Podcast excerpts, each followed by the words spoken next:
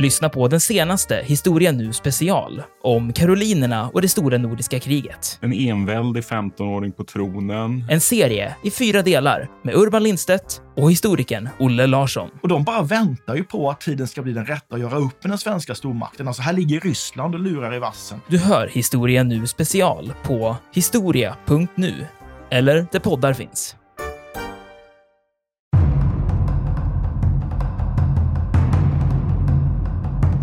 Den brittiska amiralen heter Napier. Och han går alltså in i Östersjön med en jätteflotta. Det här är alltså då världens modernaste örlogsfartyg. Det är alltså sådana här 120 kanoners sådana här trä men ångdrivna linjeskepp. Det var ju det som var up, verkligen up to date, det senaste. Och man har också spaningsfartyg, lättare korvetter och fregatter som drivs med, med hjulångare. Så det är en väldigt modern flotta som går in i Östersjön och det här sätter man in mot lilla Åland. Och det som är intressant då här, för nu, nu vävar vi bara på här. Det som är intressant är att den här fästningen då, det går inte att skjuta sönder den med, med utifrån med flottartilleriet. Och det här kommer visa sig även när det gäller Sevastopol på Krim. Utan det man är tvungen att göra, man tar fästningen så småningom genom att man landsätter infanteri. Smyger sig på de här fästningarna och slår ut artilleriet på nära håll. Och flyttar i land skeppskanoner som man kan skjuta på nära håll.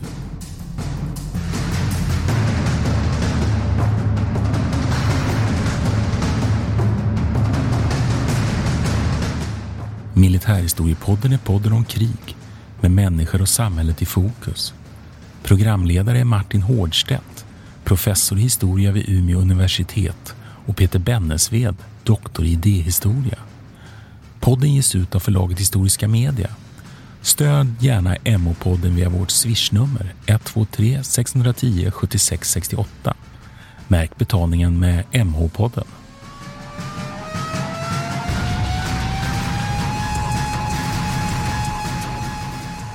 Välkomna till Militärhistoria-podden. Jag heter Martin Hårdstedt. Ja, det här är Peter Bennesved. Hör du, Krimkriget. Ja. Där måste vi först reda ut en sak Ja, snabbt. vilk, ja, men vilket krig? Vilket krig? Alltså, då är det så här att i samtiden kallades det här egentligen för det orientaliska kriget. Just det.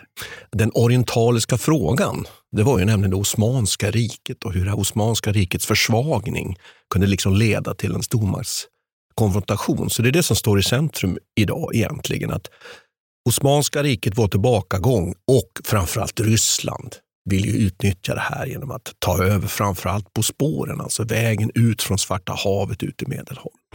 Så Krimkriget kan man ibland då hitta att det, att det är angivet 1853 till Mm.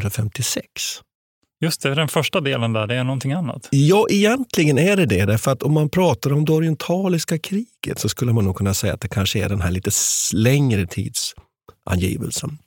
Därför att det som brukar traditionellt kallas för Krimkriget, det är ju i anglosaxisk tradition, i brittisk tradition, från 1854 till 1856. Och Det är det som är liksom det man brukar ange och det beror ju på att det är då krigföringen mellan de allierade kommer in. Men som du fiskar lite efter här, Ryssland och det Osmanska riket konfronteras ju redan från 1853. Just det. Så är det. Men du får jag bara, eh, för någonting som jag direkt kommer att tänka på nu då. Är det här relaterat till den, den konflikten i krig, Krim som, vi, som pågår just nu också? Ja, det kan man nog säga lite därför att det finns ju en sak som är helt gemensam här mellan de här två nu konflikterna. Dagens konflikt och Krimkriget då, 1850-talet. Och då kan vi faktiskt först säga så här att Krimkriget är faktiskt den, lite beroende på hur man räknar, det är alltså den största militära konfrontationen faktiskt under 1800-talet. Och då räknar vi in amerikanska inbördeskriget, vi räknar in, vi räknar in fransk-tyska kriget och så vidare. Lite beroende på hur man räknar. Och det är den första konflikten mellan stormakterna efter Napoleonkrigen. Så det betyder att Wienkongressen som vill skapa fred i Europa, den krackelerar för första gången här. Och nu kommer den här parallellen här. Då. Och den är att bakgrunden till kriget är ju dels det här som jag sa med Osmanska riket, men det är också att Ryssland under den här perioden under Nikolaj den förste, alltså Alexander den andres son, flyttar fram sina positioner och börjar bygga flottbaser. Och nu, håll i dig, den ena byggs på Krim, Sevastopol. Och den andra frontbasen som aldrig riktigt blir klar byggs på Åland. Bomarsunds fästning. Oh my god, det tog inte lång tid innan vi hittade den finska Vi är inne på Finland, det är fantastiskt. och det som är så, är så intressant är att de här två fästningarna egentligen är syskonfästningar. Jag vet inte vad de har för kön. Är de systrar eller bröder? Jag vet inte riktigt. Ja. Det kan vi kanske reda ut en annan gång. Men i alla fall. Och det är ju att, att de byggs efter ett nytt, kan man säga, då, koncept. Fortifikatorisk koncept. Både Sevastopol och Bomarsund. Sen finns det gammal fästning vid Sevastopol på Krim. Men den utvecklas den fästningen vid den här tiden. Och det här är två flottbaser. Så där har vi direkt också en, en friktion med framförallt britterna som blir ju jätterädda här nu för att nu håller ryssarna på att flytta fram sina positioner. Ja, ja. Och, och vi, vi ska komma in på det här för det här Men- är en viktig del av Krimkriget. Just Men är, det det, här är detta så, opinioner alltså, och sånt. samma Ja. Bomarsunds fästning som britterna spränger? Ja, Okej. Så att fästningen Bomarsund börjar byggas 1829 och det jag skulle säga var att britterna blir rädda. Tänk om vi nu snart får se ryska örlogsfartyg på Nordsjön. Och det går i den brittiska pressen. Det är liksom en del av det här, det här lite nya vid den här tiden, här med opinioner. Vi har anledning att komma tillbaka till det ju med, med krigskorrespondenter och fotografier och sånt. Så här har vi dels en grundläggande problematik som kör, kör igång det här kriget och eldar på det, nämligen att britterna är rädda för den här offensiva ryska. Sen har vi nästa eh, faktor här och det är ju att Napoleon den tredje, alltså Napoleon Bonapartens eh, brorsson, har ju kommit till makten i Frankrike och vill göra Frankrike nu återigen stort. Och han in, involverar sig i en konflikt med ryssarna med, med lite religiös anstrykning, nämligen att Osmanerna har ju vid den här tiden Palestina. Och där finns det ortodoxa munkar och präster. Alltså nu går det runt. Och så finns det katolska präster. Och båda de här grupperingarna vill ha tillgång till födelsekyrkan i Betlehem. Uppståndelseplatserna i Jerusalem. Och osmanerna försöker medla mellan de här och ryssarna säger så här till osmanerna, nej men ni måste ju ge oss, de ortodoxa. Vi vill ju skydda de ortodoxa i det Osmanska riket. Då måste ni ge våra ortodoxa präster tillgången till det här. Och så säger fransmännen, nej, nej, nej, ni ska ge det till våra. Och så den här kan man då säga att det synes nästan lite sådär pseudokonfliktorsaken. Helt enkelt, den, den bara accelererar. Och till slut så står man inför att ryssarna helt enkelt förklarar Osmanska riket krig och går i krig med det här som orsak. Att man inte menar att det inom det Osmanska riket så tar man inte tillräcklig hänsyn, tryggar inte de ortodox kristna. Och då anfaller man då redan 1853 dels två områden som heter Moldavien och Valakien. Och sen, det som egentligen sätter igång den här, hela den här konflikten, så sänker man den osmanska flottan vid Sinope uppe på, på, på mindre Asien, där uppe, det som idag är Turkiet, där uppe ligger Sinop som är och den osmanska flottans flottbas. Och det här startar ju reaktion från de allierade naturligtvis. Då. Life is full of what ifs. Some awesome, like what if AI could fold your laundry? And some, well, less awesome, like what if you have unexpected medical costs? United Healthcare can help get you covered with Health Protector Guard fixed indemnity insurance plans. They supplement your primary plan to help you manage out of pocket costs. No deductibles, no enrollment periods, and especially no more what ifs. Visit uh1.com to find the Health Protector Guard plan for you. This is Paige, the co-host of Giggly Squad, and I want to tell you about a company that I've been loving, Olive and June. Olive and June gives you everything that you need for a salon quality manicure in one box. And if you break it down, it really comes out to $2 a manicure, which is absolutely insane. It's also so easy to get salon worthy nails at home with Olive and June. The difference between how your nails used to look when you did them yourself and now with the Manny system is a complete game changer. The best thing about Olive and June too is it's a quick dry. Dries in about one minute, lasts for five days, and full coverage in up to one to two coats. Visit oliveandjune.com slash perfectmanny20 for 20% off your first system. That's oliveandjune.com slash perfectmanny20 for 20% off your first system. There's never been a faster or easier way to start your weight loss journey than with PlushCare. PlushCare accepts most insurance plans and gives you online access to board-certified physicians who can prescribe FDA-approved weight loss medications like Wigovi and Zepbound for those who qualify.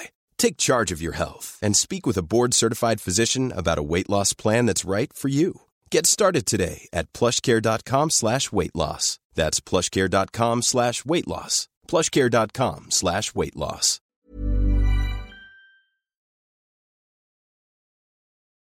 Jag tänker genast på när vi pratar om eh, krigets lagar. Ja. Nu var diskuterade det en hel del. För jag kommer ihåg att det här är också en period man börjar prata om det här med ultimatum. Mm. Krigs, Mm. liksom, Ja. man ska Ja. eh, bestämma. Och, och eh, att ryssarna fick eh, hård kritik här i efterhand för att de sänkte flottan före den officiella krigsförklaringen, som var liksom något ganska nytt och som man kommit överens om vid den här Wienkongressen i Mm. eh, 1820. Eller 1818. 1815. 15. Och där är ju, eh, är ju intressant. Och sen så får man ju också kommentera att det här är ju det väldigt så klassiskt krig på ett sätt. Där ser vi en stormakt som liksom krymper ihop, bildar ett maktvakuum. Os- Ostom- Osmanskariket. Ja. ja. Och sen så, så kommer liksom de omkringliggande staterna som hungriga vargar och ska liksom ta över det här. Ja, och, precis. Och, och att det också är, Krimkriget är dels, vi kommer ju komma till nu massa olika nymodigheter. Du är inne dels Mm. på det här med dip- diplomatiska spel som håller på att utvecklas. Det har ju Mm. inte kommit, de här krigets lagar är inte satta än, Nej. med Haag och, och så vidare, Genève. Men, men det ligger någonting i luften här och också att krigför, alltså kriget är på något sätt ett gammalt sånt där kabinettskrig där så att säga någon sorts makteliter i de här olika länderna fattar beslut om det. Men samtidigt är det också ett, man kan inte säga att ett nationalistiskt krig riktigt ändå fullt ut. Men det är ändå samtidigt så att det får välja konsekvenser därför att det är ju ett, ett, ett, ett industrialismens krig. Och vi kommer ju se när vi fortsätter vår berättelse här nu att att här har vi ångfartyg, vi har en massa nya nymodigheter, nya typer av vapen och vi har massa eh, nymodigheter när det gäller sjukvård och sånt också. Så att det här kriget det kombinerar på något sätt ett gammalt diplomatiskt sätt att starta krig för märkliga orsaker, men till att bli ett, ett krig som också förs Dels sam, samtidigt som det är någon sorts nästan medeltida belägringskrig så är det också samtidigt ett, väldigt oerhört modernt. skyttegravskrig. Så det är väldigt många saker i Krimkriget. Och ofta, tycker jag, eh, bortglömt. Därför Ja. det är väldigt intressant Krimkrig. Men, och, och sen så givetvis, som jag tycker det börjar nästan bli tjatigt, men det är ytterligare personer som hävdar att det här är det första världskriget. Så. Ja, men, ja, eller hur? Man bara, ja! Nej, nej? Vi har hört det, vi har hört det så Vi har många hört det gånger. förut. Precis, vi har hört det förut. Men När började första världskriget egentligen? Liksom? Ja. Att det ska är det vara- Alexander eller är det, Ja, när är det? ja, precis. Eller Napoleon. Eller vad var det? Precis. Ja, men det blir nästan lite fånigt. Men det har väl, eh, men det, men det är klart att det är ju men det kanske har med den här pressen att göra, den här presskontexten, att det blir Ja, så stort och det ja. blir så Ja, men det får ett eget liv. Liksom. Ja, och det, det- tycker jag är så himla så jävla intressant med det här, att vi har också, samtidigt som det här sker, så har vi det här med, med fin, jag fånigt säga det, men fin mekanik. Det blir väldigt pyttenyttigt här. Men, men det är ju precis i den här mitten av 1800-talet som man kommer på hur man ska göra vid små finmekaniska delar. Ja, ja. Det är därför vapentekniken Ja, utvecklas går så himla väldigt mycket, Ja, att man kan ja. sätta ihop de här. Och man kan göra på ett hyfsat industriellt sätt. Men det gör ju också att man kan utveckla någonting som heter tryckpressar på ett helt nytt Och sätt. press, pressar tidningar. Ja, man kan Mm. pressa tidningar, man kan Mm. massproducera tidningar. Man kan ju trycka saker man kunde göra sedan 1400-talet. Men att massproducera tidningar på den här tiden var, det var som en helt ny revolution. Jo, att man får, Alla gjorde sina egna tidningar. Det var som en helt ny marknad, mediemarknad som uppstår. Och det är en jättestor skillnad här mellan Napoleontiden. Där tryckte man pamfletter, alltså politiska pamfletter egentligen som man delar ut till folk eller som spreds. Men här är det dagstidningar, i den formen som vi tänker oss dagstidningar. Med, med reportage och det är insändare och det är eh, olika eh, illustrationer och sånt. Och det, jag, jag tänker att där måste ju göra att det får en, även om det, inte, även om det är det här kabinettskriget, så får det karaktär av någonting större. Just för att den har den här liksom presskontexten. Och jag tror att där kanske är den här globalkriget. Nu kan man ju säga det, att det förs då krig på allt från Arkhangelsk bort till Sibirien Mm. och så vidare. Men det är så små strider. Utan Så att jag tycker inte att det är det, men möjligtvis det där du, det du är inne på Jo, nu. men jag tänker på att det- det liksom risk- sprids ja. informationen om Men kommer det. ihåg rysk-japanska kriget när vi pratade om det? Det var precis samma sak där. Ja. Att vi har den här, egentligen är konflikten ganska koncentrerad till ett, ett ganska litet område. Ja. Och det är några begränsade ma- makter som är med. Men den här, eh, när ryssarna åker här och skjuter fel, de skjuter ner fiskarna. Och liksom, Ja, när de ska flytta sin Östersjöflotta bort ja, precis, till... och de gör ja. bort sig. Och Mm. detta hamnar i tidningarna och blir en jättegrej. Mm. Och det är ju där, va? där tar ju den konflikten, får den ju ny, ny luft. Va? Och det är ju samma sak här, fast det är liksom tidigare, 50 år tidigare. Men, men, och då ska vi kanske påminna lyssnarna nu som inte har lyssnat på det avsnittet att det är ju 1904-1905 då det här Mm. rysk-japanska kriget som har varit ett väldigt liksom, intressant avsnitt att göra. För det är också Mm. lite ett bortglömt krig. Mm. Men då tänkte jag lite här, eh, eh, det finns ju något spännande också nu med det här att här går då Ryssland i krig mot en, en allians. Och jag nämnde ju allians, men jag sa egentligen inte vilka som var med där. Och, och huvud, huvudalliansparterna är ju det brittiska väldet, fransmännen, Mm. Eh, och också sen så småningom det lilla kungariket Sardinien. Piedemonte, Just det är det. lite intressant. Och där kan man ju diskutera i oändliga varför de går med. Och där finns det Ja, väl liksom Italien är inte enat innan. Nej, och det är väl för att Sardinien går med, Ja. för att Victor Emanuel där, och som, är, som är kung, vill då eh, eh, via sin minister och främste minister Cavour, vill ju vara med nu här för att kanske spela in sig lite och få stöd för ett enande sen så småningom av Italien. Men det är ju liksom en, en annan historia som vi kan ha anledning att återkomma till. Sen har vi två andra aktörer här, Österrike och Preussen, som aldrig går med i kriget, men som hovrar. Och där, där ryssarna förväntar sig nästan att de här staterna, framförallt Österrike, ska gå med. Därför att eh, ryssarna har ju stöttat Österrike bland annat under revolutionen 1848 och hjälpt till att slå ner dem. och sådär. Men de här två staterna går inte med. Eh, och även Sverige är faktiskt med och hovrar lite och det finns en diskussion framförallt i kretsarna kring Oscar den första att gå med här i Krimkriget. Så Krimkriget är ju ett klart liksom, avsteg. Och klassiskt på brittisk sida med. Nu, Ja, ja, Ja. ja. Men då inser man ju på svensk sida, för att göra en väldigt lång historia kort, att går man med i kriget, ja visst, det, det fungerar ju kanske bra så länge man har stöd av en brittisk flotta, men när vintern kommer så står man ensam mot Ryssland och det inser man ju. Dessutom är det intressant att det som ju är storfurstendömet Finland, som ju har förlorat 1809, finländarna är inte så där över sig jätteintresserade utan visar sig ju snarare vara väldigt lojala mot det ryska imperiet under Krimkriget. Och det är ju ja, de är inte intresserade egentligen. De har chansen här under Krimkriget egentligen att slå sig lös. Men, Men de inser väl naturligtvis att... Men en sak som jag tycker att vi måste, måste säga här nu innan Ja. vi kommer in på liksom striderna på Krim och det är att det här kriget egentligen inleds i Östersjön. Och det tycker jag är spännande. Därför det första egentligen krigshandlingarna mellan franska, brittiska trupper å ena sidan och ryska sker ju i Östersjön. Och precis det du var inne på. Man landstiger på sommaren 1854 på Åland. Man tar Bomarsunds fästning som inte är färdigbyggd, men ändå tillräckligt ändå för att bita ifrån. Och så spränger man fästningen. Och sen fortsätter man med så småningom under, under den sommaren 1854 att även attackera en del platser upp längs med eh, finska kusten. Man, man bombarderar sen 1855 Sveaborg också. Man gör ett försök också in i Finska viken mot den ryska flottbasen Kronstadt. men nu ringer det en klocka. Ja, Är det inte så att man har med sig ångbåtar också på den här Östersjöflottan? Ja. Britterna. ja, Och de gör ett väldigt känt statsbesök också i ja. Stockholm. Och de eh, bunkrar kol i Fårösund Just det. på Gotland. Ja, vad läckert. Det är, och det är väldigt häftigt därför att den brittiska amiralen heter Na- Napier.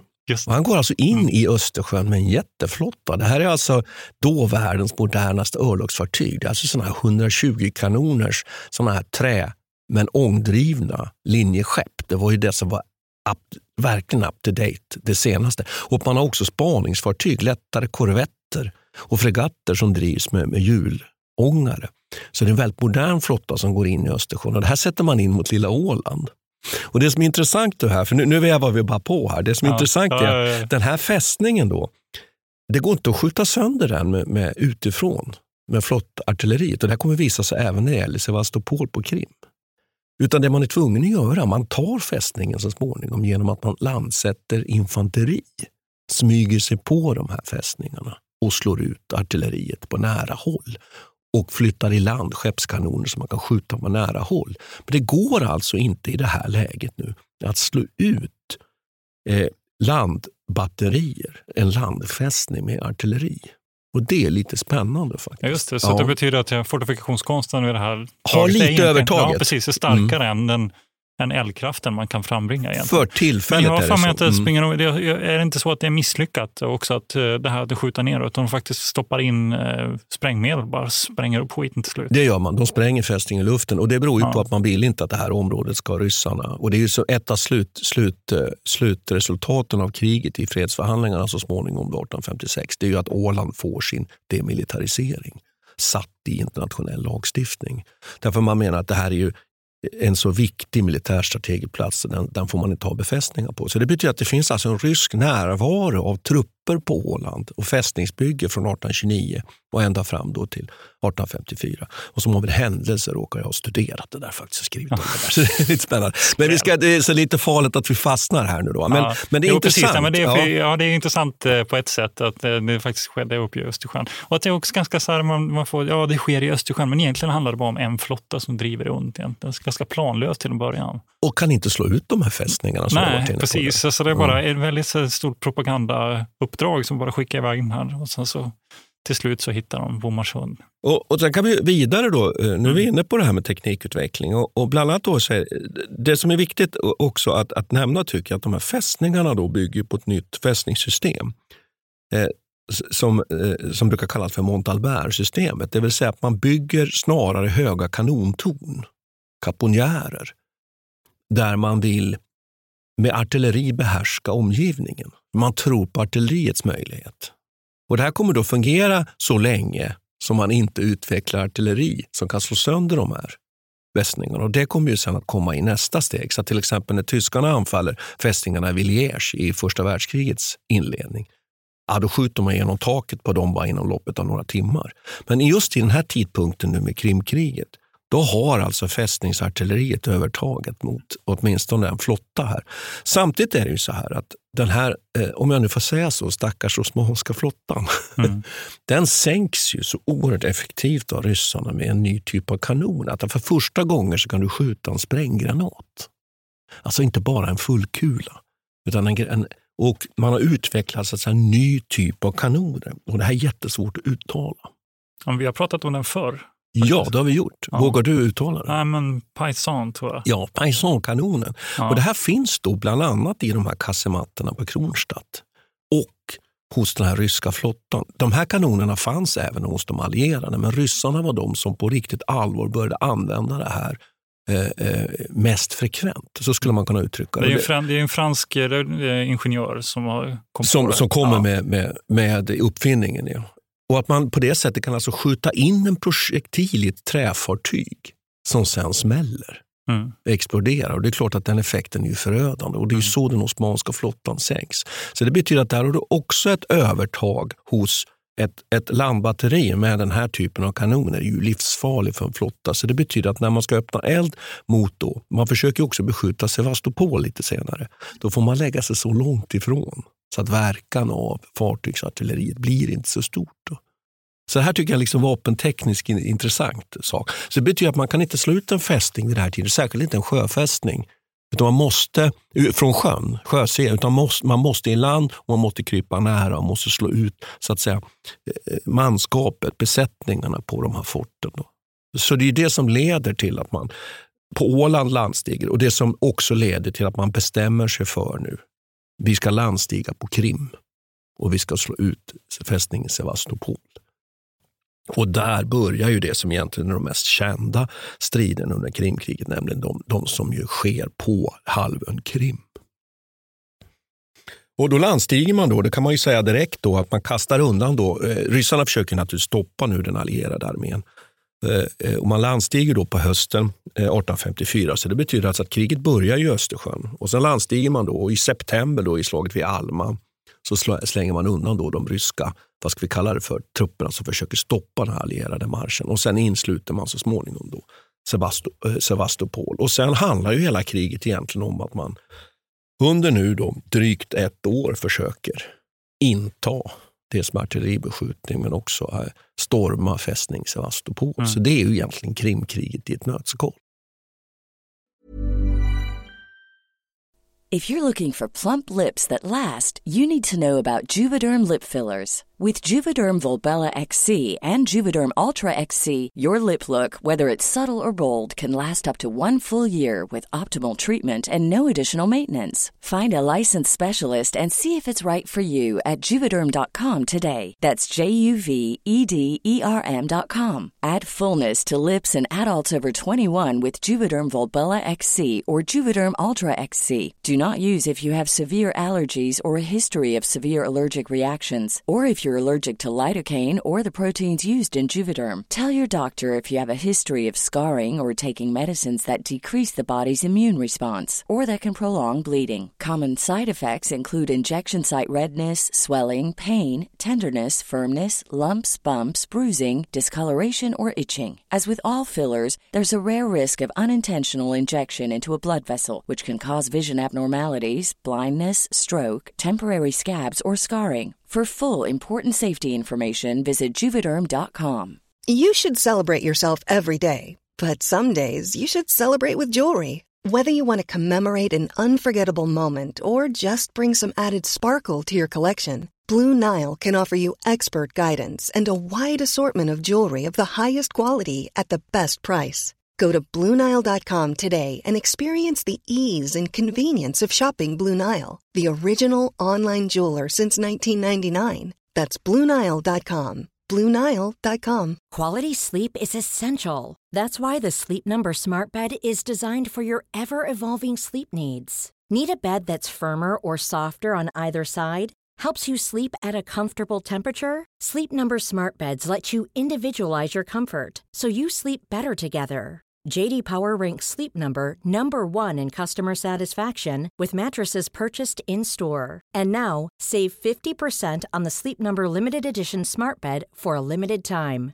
For JD Power 2023 award information, visit jdpower.com/awards. Only at a Sleep Number store or sleepnumber.com. Var det slaget i Alma som är soldaternas krig? Eller Ja. soldaternas slag? Ja, och det beror på vad du menar med det. Ja, men det finns ju, jag minns inte vad det heter nu, men det är ett av de här slagen som är väl känd för att dimman var så pass tjock. Ja, så att, det är svårt eh, att se. Befälhavaren hade egentligen ingen makt över själva liksom, slagförhållandena. Ja, just det, att det och att det handlar, utvecklas. ja, Mm. utvecklas egentligen till en man mot man-strid. Mm, mm. Var det, var det? Det kan också vara slaget vid Inkelman faktiskt. Jo, det här är- det, är det slaget vid Inkelman. För det, man kan säga då att Alma är ett slag på vägen in. Sen innesluts fästningen och så sätter man igång belägringen. Men sen försöker ryssarna då vid eh, framförallt två tillfällen att så att säga anfalla och slå ut den här eh, allierade belägringsstyrkan. För det betyder att ryssarna har ju naturligtvis trupper inne i Sevastopol som man då Eh, till en början i alla fall kan undsätta och få in förstärkningar till. Och Sen har man en rörlig armé med vilket man ju försöker liksom slå ut den här allierade belägringsstyrkan med. Och bland annat då i slaget vid Inkerman, men framförallt i det här, det här klassiska slaget vid Balaklava. Där man, där man bestämmer sig för att försöka anfalla helt enkelt den brittiska, vad ska vi kalla det för, hamnen där britterna får in alla sina resurser. Och Därför gör man ett försök att anfalla hamnen vid Balaklava. Och Det eh, utmynnar ju sen i det här klassiska slaget där vi, som ju också avrundas med den lätta brigadens anfall. och Det tycker jag nästan vi måste ta här. Ja, vi kan ta det. Vi kan ta det. det blir bra. Det är väldigt, väldigt klassiskt. Alltså, det är oktober då, 1854. Eh, som i slutskedet av slaget för Balaklava så bestämmer sig britterna för att genomföra ett, ett kavallerianfall mot, upp längs med en dal mot ryskt artilleri som står längst in i dalen. Och man har diskuterat väldigt mycket i forskningen vad det är egentligen som ges order om och vad, som, vad man egentligen gör och vad man skulle ha gjort. Och det, det, det är ju så att man sannolikt är det så att befälhavaren för den här kavalleristyrkan missuppfattar sin uppgift och anfaller helt fel antagligen. Eh, och det, det finns också en, en, diskussioner om att det finns då sån här motsättning mellan de här befälhavarna, bland annat den här Lord- Lord Raglan som är med där. Då. Men det hela slutar ju med vad då? Ja, katastrof. De anfaller- Eller det både och. Alltså, Ja. De lyckas ju på ett sätt att ta sig igenom. Nej, men det är bättre, det är bättre du får du Nej, men berätta, de, för det är så anf- dramatiskt. Ja, men de anfaller ju upp längs med den här äh, dalen. Då. Och då är det så här att det, om man tänker sig att de står i den här dalen och uppe då så att säga till höger, om ni tänker nu lyssnarna här, så finns en höjdrygg och längs med den då finns ett antal, ska vi kalla det för fältbefästningar som hålls av osmanska trupper. Och De här anfalls av ryssarna och längre in i den här dalen rakt fram, där står det då eh, eh, ryska artilleribatterier. Och sannolikt är det ju så att den här kavalleristyrkan, den här brittiska kavalleristyrkan i två brigader, lätta, eh, framförallt den lätta brigaden och sen delar av det tunga artilleriet, eh, kavalleriet också. Det är nog meningen egentligen att de ska anfalla och så att säga rensa terrängen framför de här fältbefästningarna, liksom så att säga upp på höjderna där. Det är nog egentligen det som är meningen. Men då missuppfattas detta av den här befälhavaren eller orden är väldigt otydlig. Eh, och ungefär så här, han pekar bara. och så blir det missuppfattning och därför slår då den här brigaden, alltså på ungefär 600 man är det väl ungefär, som anfaller längst in, möts av koncentrisk eldgivning från de ryska artilleribatterierna och har ju enorma förluster på vägen fram. Men som du säger lyckas ju faktiskt ändå hugga ner i stort sett det här Ja. ryska artilleriet. Och det finns ju ögonvittnen på den ryska sidan som säger att när de här kommer då upp med det här, eh, som säger att, att det, om man är så galen som man anfaller på det här sättet, då, då kan man ju bara inte förlora. De är helt i chock, de här ryska officerarna, när, när de väl kommer fram. Eh, sen har man ju stora förluster, jättestora förluster. Jag tror att det är ungefär så att en tredjedel av styrkan dör ju här, stupar, skadas, hästarna försvinner och så vidare. Och Det är ju en katastrof på alla sätt. Den här brigaden kommer aldrig kunna användas mer under Krimkriget sen. Och nu kommer det, det intressanta. Hur tänker britterna? Ja. Hur tänker britterna? Nej, men jag, kan, jag kan ta över det lite innan, Ja. du, innan du avslöjar det. Ja. För att jag tycker att det här är ju eh, någonting som är väldigt speciellt. Den här Charge of the Light Brigade har ju blivit... Charge of the Light Brigade. Ja, Ja. precis som det kallas. Har ju blivit eh, odödlig genom en dikt som skrevs av Tennyson och som publicerades i brittiska dagstidningar på tal om den här presskontexten som vi pratade om innan. Och du var egentligen så den här, som det här, alltså anledningen till att du och jag sitter och pratar om det här nu, det är att det här blev ett slags media-event. Det är ju det som är så fascinerande med det här kriget. Att jag, kan inte, jag har så svårt att tänka mig att den här typen av eh, händelser eller liksom korkade drag på slagfältet inte har hänt förut. Det är ju ingenting nytt egentligen med att Man anfaller helt åt och så, så, vansinnigt. ja, Ja, precis. med stora förluster. Man kan ju tänka sig så många slag som vi har pratat om. Mm. Ja, speciellt det länge bak i tiden vi går också. Där mer handlar, mycket handlar om mod och bara visa kurage liksom, och ta, ta den första stöten. Det är ju egentligen inget speciellt så. Va? Men det är ju just det här att det blir odödlig genom den här dikten som, som Tennyson skriver och som så engagerar hela brittiska folket. Ja. Men varför skriver han den här dikten? Frågar jag dig då. ja, det vet jag inte. Nej, för det är ju så här att det finns en person på plats som heter William Russell. Just det. Mm. Han är militär. Ja, det var åtminstone. Men han blev numera känd som Special Correspondent. Är alltså den första krigskorrespondenten Mm. egentligen. Eller en av de första. fall. Ja, är i Mm. princip den Mm. första som har, har det här epitetet som krigskorrespondent. Och han skriver för The Times. Och hans, det är hans reportage egentligen som inspirerar Tennyson till att skriva den här dikten. Han skriver väldigt personligt. Han är med på, alltså han har frågat eh, lite ögonvittnen. Jag, tror jag vet inte om han är med själv Mm. På Mm. plats. Men han, han, Han är så pass nära Ja, han är så pass Kanske nära är det balaklava Ja. nere i hamnen eller någonting sånt. Exakt. Mm. Så det är han som skildrar den här och, och via, via William Russell så får Tennyson eh, materialet och skriver den här dikten och sen så får den här, den här händelsen så stora vingar egentligen. Det har blivit en det. så symbolisk händelse för hela ja, den här tiden egentligen. Och det som jag tycker jag är sjukt fascinerande med det här, att det här är som en tid, om du jämför då bara 50 år bakåt i tiden, Mm. det finns inte den typen av, det finns ingen journalistik. Liksom. Det finns ingen som kan rapportera på det här viset. Det finns inga dagstidningar som producerar material så här snabbt som man kan göra nu. Det finns inte läskunnighet att ens förstå vad det är som händer. Det tar flera veckor innan man får besked om vad som händer, vad som hände i Trafalgar.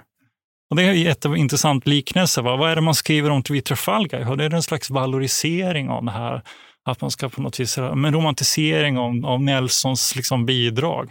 Men här blir det ju debatt om vad fan de här befälhavarna håller på med. Just att det finns en opinion. Ja, det skapas. Och det, exakt. Ja. Att det, den här allmänna opinionen är någonting helt nytt som i princip skapas med Krimkriget. Mm. Och det, och det, men nu, nu måste jag bara få spä på. Det är Ja. just att den här Lord Cardigan då, som leder det här anfallet, Mm. då, 600 man. Och, och, eh, det, är, det är faktiskt så här att det är kanske inte mer än 120 som kommer tillbaks på sina hästar. Sen kommer det tillbaks fler. Men förlusterna är ungefär Mm. eh, ungefär en tredjedel. Det, det är ganska fruktansvärt. Men den här Lord Cardigan, han är klar med det här anfallet. Då rider han bara ner till, till, eh, till Balaklava. Sen klär han av sig, lägger sig i badet, knäcker en champis och så går han och lägger sig. För han bor på ett fartyg där nere. Alltså det visar ju liksom lite hela, hela stilen. Och nu kommer vi till det här, hur, hur förklarar man det här på, Ja. på engelska? Det är ju en katastrof. Då. Jo, då säger man så här. Ja, det må vara hänt en katastrof. Men det är därför vi har imperiet. Det är därför vi är de främsta i världen. Därför det finns inga som oss britter som lyder order och anfaller och är beredda att ta förluster. Det finns ingen som kan dö som en britt. Det är så man rationaliserar det här.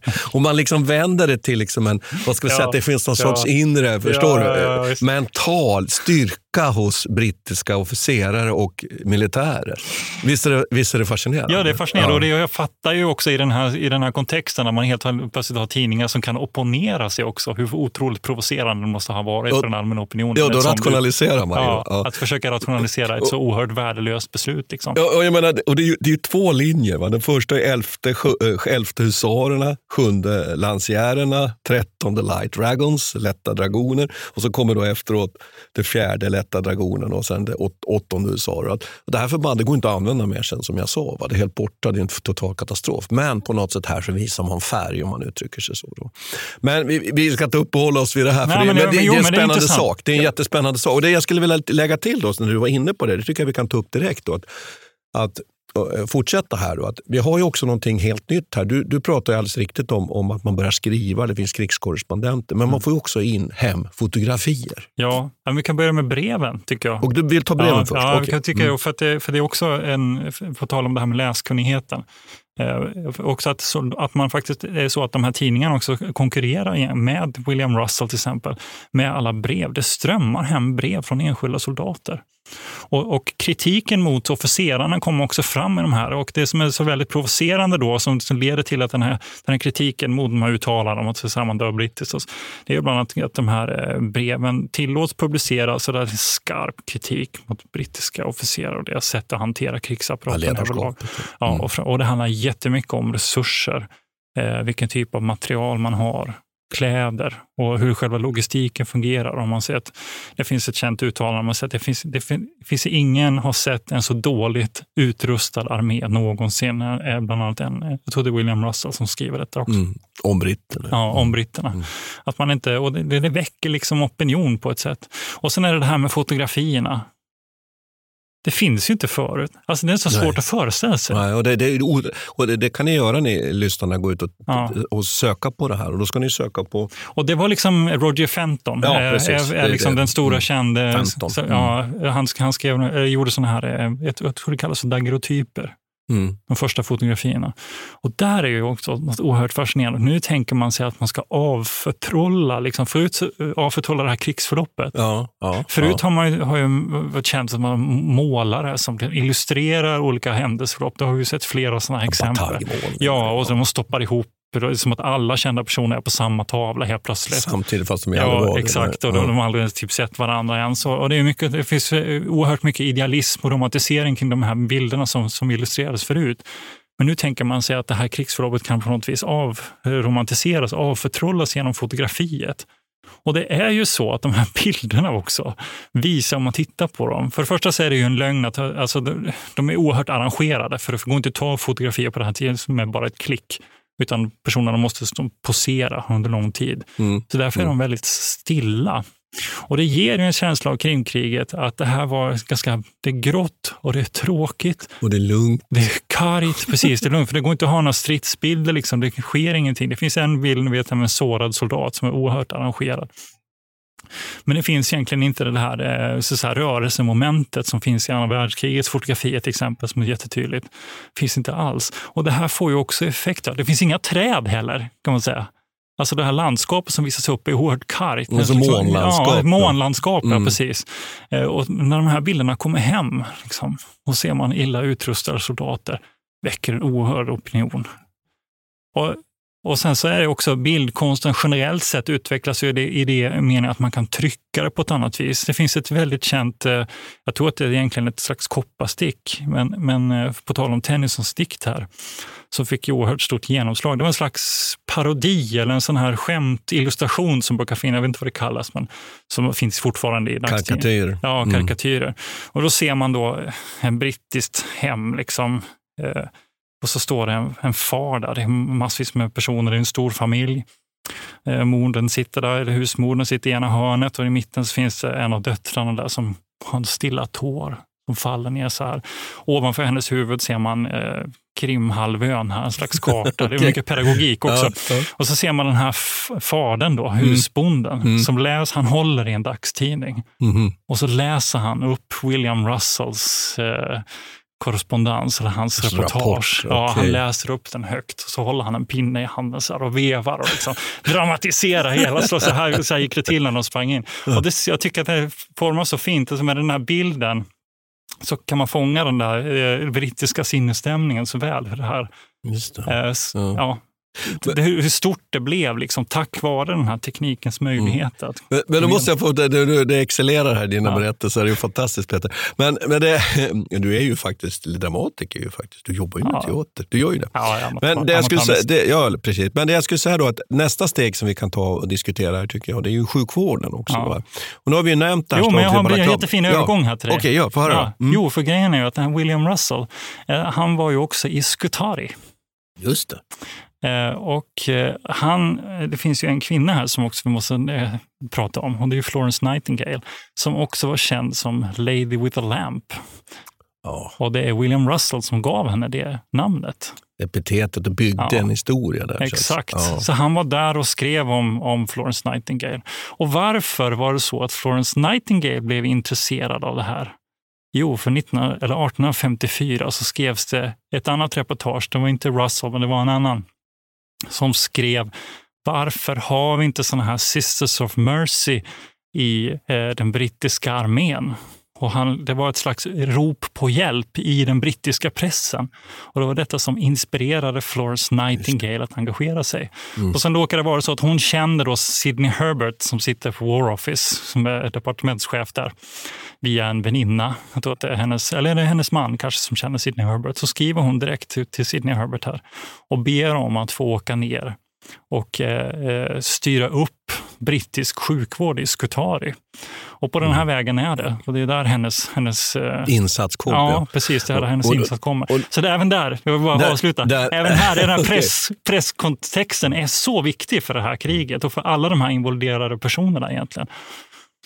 Ja, men då kan man säga så här bara, att, att vi, har, vi har pratat här om, nu går jag tillbaka lite till förloppet, Mm. här, att vi, vi har Balaklava i oktober, vi har också det här försöket med Inkerman som du var inne på. Mm. Och där britterna råkar väldigt illa ut. De blir anfallna egentligen när de är, i, de håller på med belägringskrigföring och plötsligt så bestämmer sig ryssarna för att anfalla och då, då lyckas man med knapp nöd avvärja det här. Bland skotska förband som håller emot. Eh, Det kan också nämnas i samband med Balaklava så är det också skotska förband som i slutändan stoppar egentligen den här eh, Eh, ryska framstöten mot Balaklava. Och, och det har visat sig sen i efterhand att det var inte bara skotska förband, man brukar prata om den tunna röda linjen, utan det är också osmanska soldater som är med. Det är typiskt propaganda, man glömmer bort de soldaterna, men man lyfter fram sina egna. Då. Men slaget vid Inkerman, där räddas man ju också av att, att fransmännen kan omgruppera. Och, och nu kommer vi till något som jag skulle vilja, vilja eh, ändå ta upp eh, och öppna tycker är viktigt att britterna, för britterna är Krimkriget en katastrof. Man har oerhört stora förluster, framför allt när det gäller sjukvården som jag pratade om. Så det är framför allt på brittisk sida den här första krigsvintern som, som man har stora problem. Fransmännen klarar sig mycket bättre. Fransmännen är egentligen de som vinner Krimkriget. Därför fransmännen har en mycket, mycket mer fältduglig armé, bättre befäl. Och det beror på att man har övat upp sig bland i striderna i Algeriet. Medan britterna som jag varit inne på här har en armé som egentligen går ut i samma uniformer och samma utrustning som under Napoleonkriget och dessutom har ju de här aristokraterna som, som officerare som inte alltid är lämpliga. Man kan säga att britterna i stor utsträckning gör bort sig här. Däremot har man ju en flotta som fungerar väl.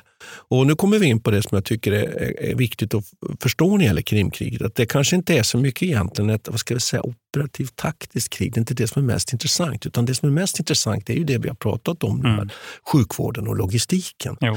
Hur man från brittisk och fransk sida lyckas man ju, och vi ska väl också nämna Piedemontesarna här, eller vad säger man? Piedmont soldaterna från Piemonte eh, alltså Sardinien, kungariket Sardinien och osmanen, att man får alltså underhåll utifrån och man underhåller mer effektivt den allierade armén på Krim med hjälp av ångfartyg än vad ryssarna lyckas göra landvägen, trots att de ju slåss på eget territorium.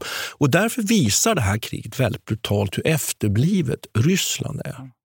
Samtidigt är det ju så, ja. samtidigt är det ju så att britterna och fransmännen, trots att de tar Krim, spränger Bomarsunds fästning, kan ju aldrig besegra Ryssland. Så därför blir det det här kriget blir liksom till slut ett utnötningskrig som ju också handlar väldigt mycket om bojkott av den ryska eh, ekonomin. Men ingen av de här motståndarna kan ju i längden egentligen besegra varandra. Det är därför som det rinner ut i sanden och det blir fred så småningom.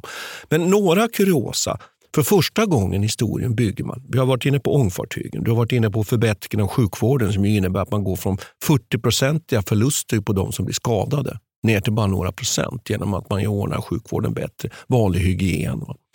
Eh, man bygger den första järnvägen för, för militära transporter från Balaklava uppe på höjdplatån mm. där ju belägringen av Sevastopol Funkar det skitdåligt för övrigt? Det gjorde den, men ja. man bygger den ändå. ja. Och att man, ja. Men att, man just, att det just är detta att man plötsligt nu börjar få någon form, börjar ändå utnyttja de här nya möjligheterna som industrialiseringen ger. Då. Du har missat att säga någonting om telegrafen också. Ja, ta det. Ja, men det är för, för, på tal om det här om jämförelse mellan både Frankrike och Ryssland. Eh, och britterna. För det är ju mm. britterna som, de, det är de som bygger de här telegraflinjerna. Fransmännen de är så jävla konservativa det här. De använder sitt CHAP-system, den här semaforgrejen. Och då har olika... på den? Ja, men den, den funkar inte så där jävla bra när man ska liksom skicka information snabbt. Va?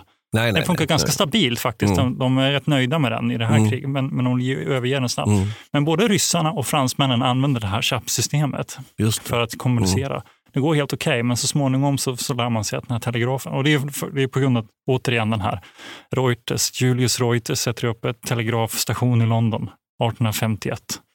Reuters har vi alla hört talas om. Och det är ju här informationen flödar mellan London och eh, Istanbul.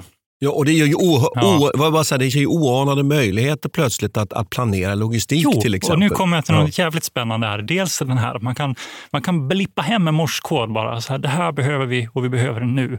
Och inom ett par veckor kan man använda ångfartygen och även vanliga, de, de vanliga segelfartygen gick också väldigt snabbt här eh, för att skicka efter saker. Men det är också så att generalerna här får ju en förminskad roll för de kan ta emot order direkt uppifrån. Just det. Så det här förändrar också eh, så säga, relationen mellan War Office i, hemma i London och de enskilda generalerna här. Som är en jävligt intressant förändring egentligen. Och som man kan se ganska tydligt också sen om man tittar eh, längre fram under andra världskriget också. Vilken, liksom, vilken, eh, vilket eget inflytande har de här höga generalerna i förhållande till, till den politiska makten ja, det är liten... Mm. Eh, så, Nej, men, men, ska vi säga någonting om, om mer sjukvården? Jag tycker att det är intressant att prata om, så vi inte liksom glömmer bort Florence Nightingale, för det finns mycket att säga om henne också ja, ja. i det här. Eh, dels att eh, Eh, för, för, hon utnyttjar alla de här sakerna som du pratar om. Hon åker ju ner dit. Jag ska säga någonting eh, om henne. Då, att hon, eh, det är inte så att det här är något helt nytt för henne. Vi ska inte heller få det att låta som att, som att Florence Nightingale är liksom den första sjuksköterskan, för så är det inte heller. Hon är utbildad i Europa och hon är, eh, hon är av adlig börd. Det är ju inte, någon, det är inte ingen dussin person så här. Utan hon åker runt i Europa och studerar olika typer av, av sjukvårdssammanhang. Hon är djupt kristen. Och sen så bestämmer hon sig då för att göra en insats här i Krimkriget och åka mm. ner. Då. Mm. Och tack vare med tack vare de här kontakterna med War Office och Sidney Herbert så lyckas hon få det här uppdraget. Så hon åker ner med 38 stycken sjuksköterskor som hon i princip handplockar. Eh, åker ner till Skutari och sätter igång. Och, då, det, och det hon gör det är att hon utnyttjar allt det här det du säger. Hon, hon skickar brev och telegraferar hem och beställer massvis med tvål. och, och, ja, och kläder. Och, och, och, så den, den stora så att säga, eh, vinningen, det som får eh, så dödstalen att sjunka så mycket, det är egentligen ren hygien. Hon trodde faktiskt inte själv på den här bakterieteorin som var precis jag vet inte, det är Louise Pasteur kanske mm. som är... Men hon är learning by doing. Hon säger att det får... får ja, uh, eller eller, Nej, men hon var fortfarande ja. inne i det här, eh, jag vet inte, mm. kommer inte ihåg vad det kallas, men det är när man tror att det kommer från luften. Mm. Alltså olika ja, dofter och sånt. Men hon gör och ser att det får effekt Precis. i rent praktiken. Exakt, så, så det mm. första hon gör när hon kommer till det här sjukhuset är att hon helt enkelt kokar kläder, alltså tvättar och rengör och ser till så att folk får ordentlig mat och liksom byter sängkläder och sådana saker. Så det, och de här sakerna som hon, som, har hon blivit väldigt känd för, men det här är inte hennes innovation egentligen, utan på samma sätt har man också arbetat i London på de sjukhus som hon har varit involverad i där. Så det, är egentligen ingenting nytt som hon kommer med här. Men det som har gjort henne känd är att hon är så förbannat stridbar. Det är faktiskt ganska roligt. Jag har läst hennes brev hem. Mm, mm. Hon skriver ju, korresponderar med Sidney Herbert hela tiden och berätta om sina problem och, och eh, saker som hon irriterar sig på. Så samtidigt beställer hon mer material och så här. Och hon är så jävla förbannad. och släpper inte grejer. liksom. Utan hon verkligen, eh, och ser till så strider om varenda liten sak och hon får som hon vill eh, i väldigt stor utsträckning. Hon är ju bara där under ett par år, men hon lyckas styra upp verksamheten jäkligt bra. Och det handlar mycket om hennes förmåga att bara agera i offentligheten på ett sätt som kanske ingen kvinna tidigare hade gjort i det här sammanhanget. Och hennes faktiskt enda riktigt stora innovation är att hon organiserar Eh, en slags rudimentär kirurgi och eh, sjukvårdsutbildning på plats i Skutari. Och som ser till så mm. att så folk får liksom en utbildning medan de är där, så att de kan lära sig. Och det, det är ett stort bidrag hon gör. Mm. Det är också väldigt spännande när hon kommer hem sen.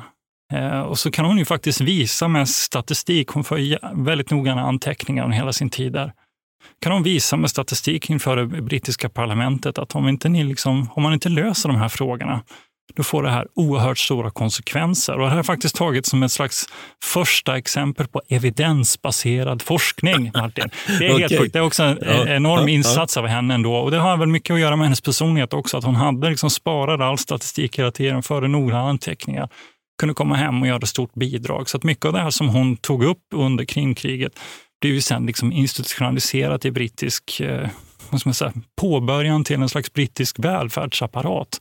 Men mm. nu kommer en, eh, en twist här. Mm. För det är ju faktiskt så att samtidigt får vi ju världens första standardiserade militärsjukhus i samma område. Just det. Och det är inte Florence Nightingale det är som inte kommer. Florisen, nej.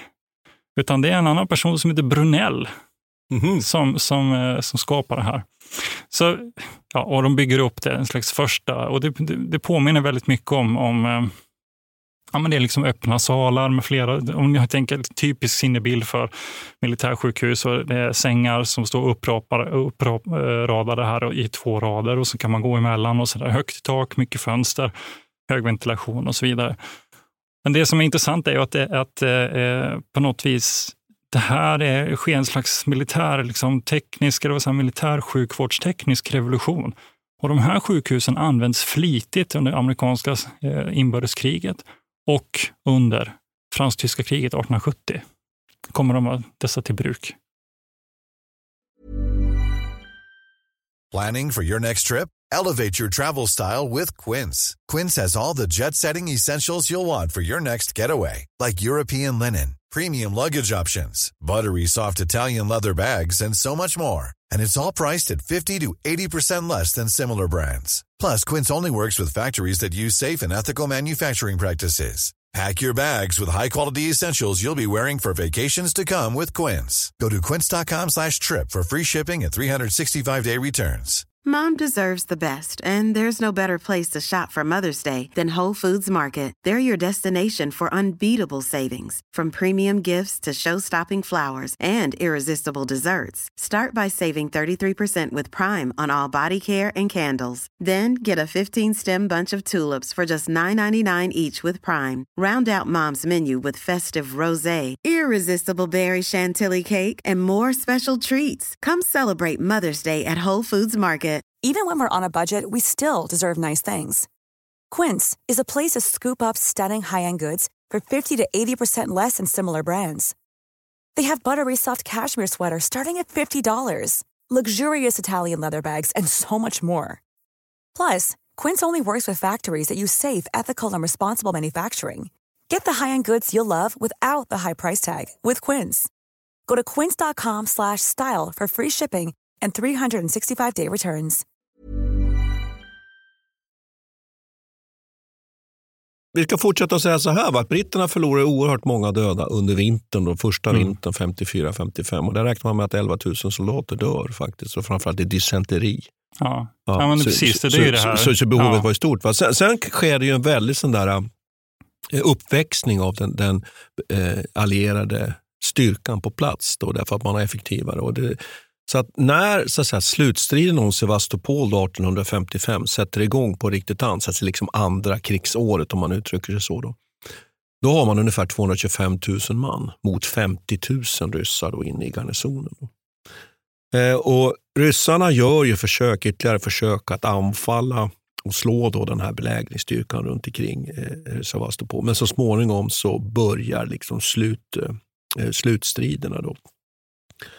Och Beskjutningen av Sevastopol är enorm. Och här har vi också nu ny, nymodigheter. Att första gången på Krimkriget så börjar man också med eldledning. Att man liksom systematiskt observerar. Mm. Inte bara observerar, alltså att man observerar var nedslagen är och sen flyttar man. Utan att man leder systematiskt eldgivningen. Det är också någonting som är nytt och kommer med, med eh, Krimkriget. Och vi kan väl också nämna det att, att de allierade har ju ett nytt gevär, Miné-geväret, Mm. som visserligen laddas ju genom eh, pipan, men som har en ny effektiv kula som går kanske 500 meter och som dessutom när den träffar har en helt annan eh, effekt. Och att den också antänds med ett liksom stick, om man säger ett nålstick ner i patronen. Alltså man har en plötsligt en, Ja, en det. En primitiv patron patron, alltså, liksom, ja. visserligen i papper och så vidare, men här är alltså en nymodighet. Mm. Nästa steg är ju sen det mera moderna patrongeväret som kommer så småningom. Då.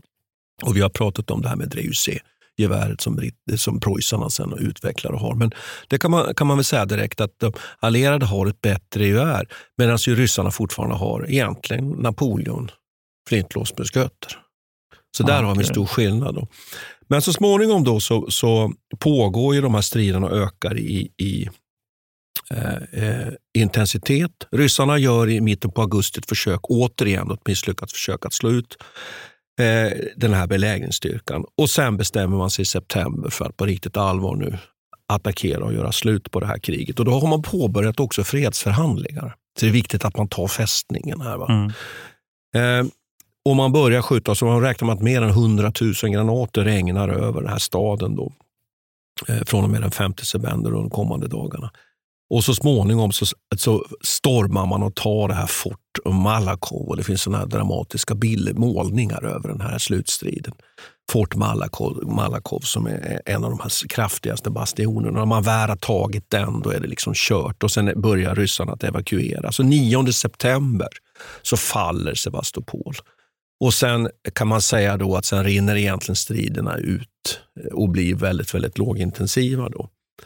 Eh, och krigföringen egentligen är över. Och sen sätter man sig ner och förhandlar i, i Paris då 1856. Och här tycker jag att man kan tycker jag, ta upp några saker som jag tycker är väldigt viktigt med Krimkriget. Det, det ger egentligen en bit bitter eftersmak, skulle man kunna säga. Så Krimkrigets betydelse, inte bara det du och jag har pratat om nu, Mm. kriget i sig och det här med den nya tekniken och sjukvården och nya Mm. logistiken och så vidare. Utan det är tyvärr så att, att det lämnar kvar saker i det europeiska maktspelet som jag skulle vilja säga är, är problematiskt och som leder fram egentligen i slutändan till första världskriget.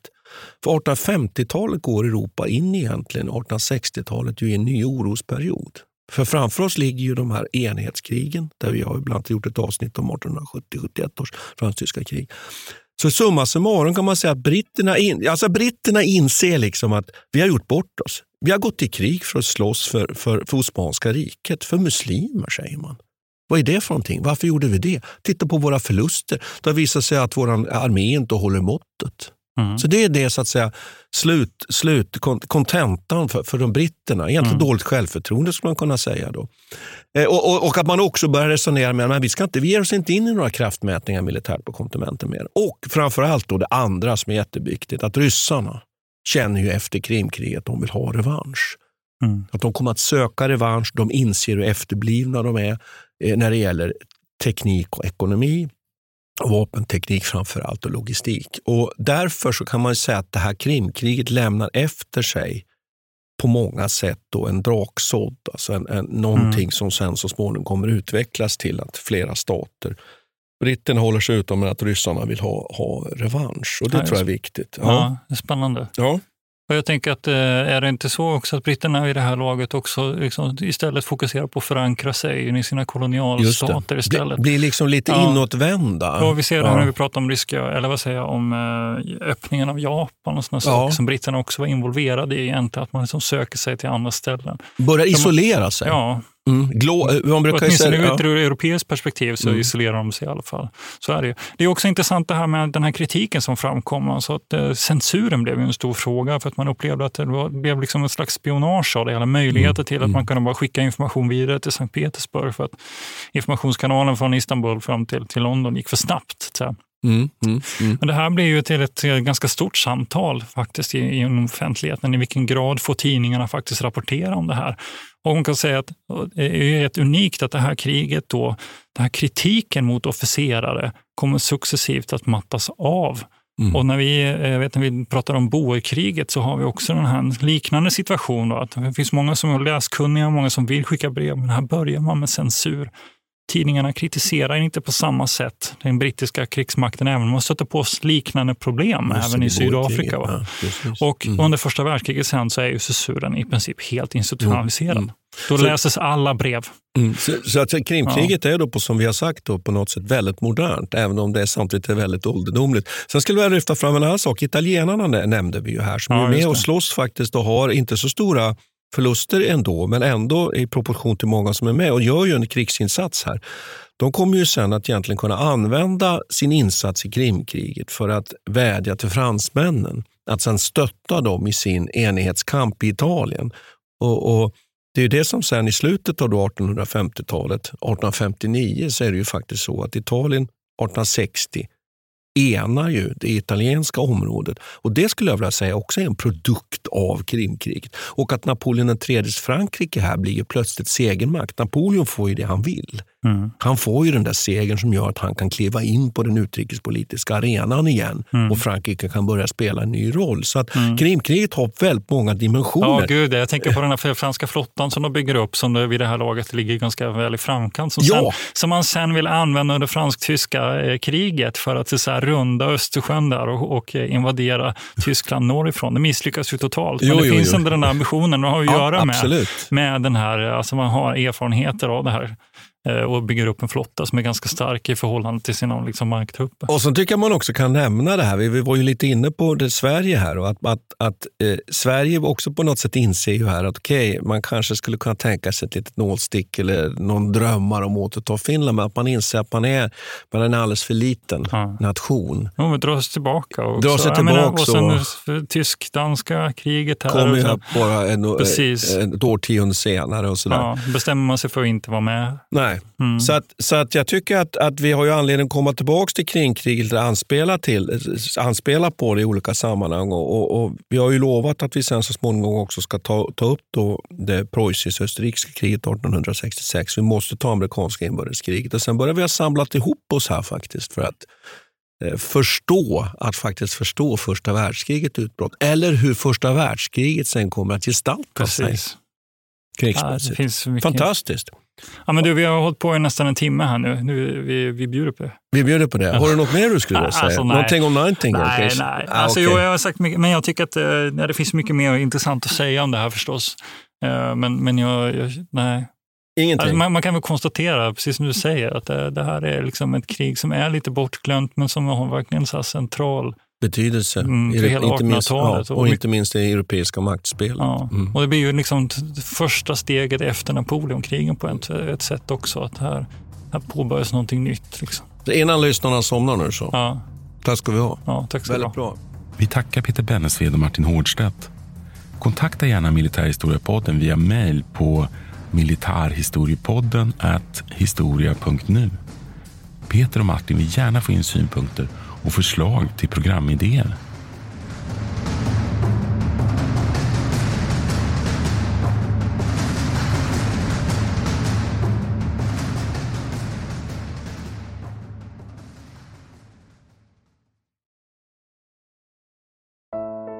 Iran har under 1900-talet genomgått tre omvälvande revolutioner som orienterat landet antingen mot västerlandets modell eller mot en auktoritär styrelseform. Idag pågår en social revolution i landet som vänder sig mot det islamistiska styret och vars anhängare har Europa och väst som förebilder.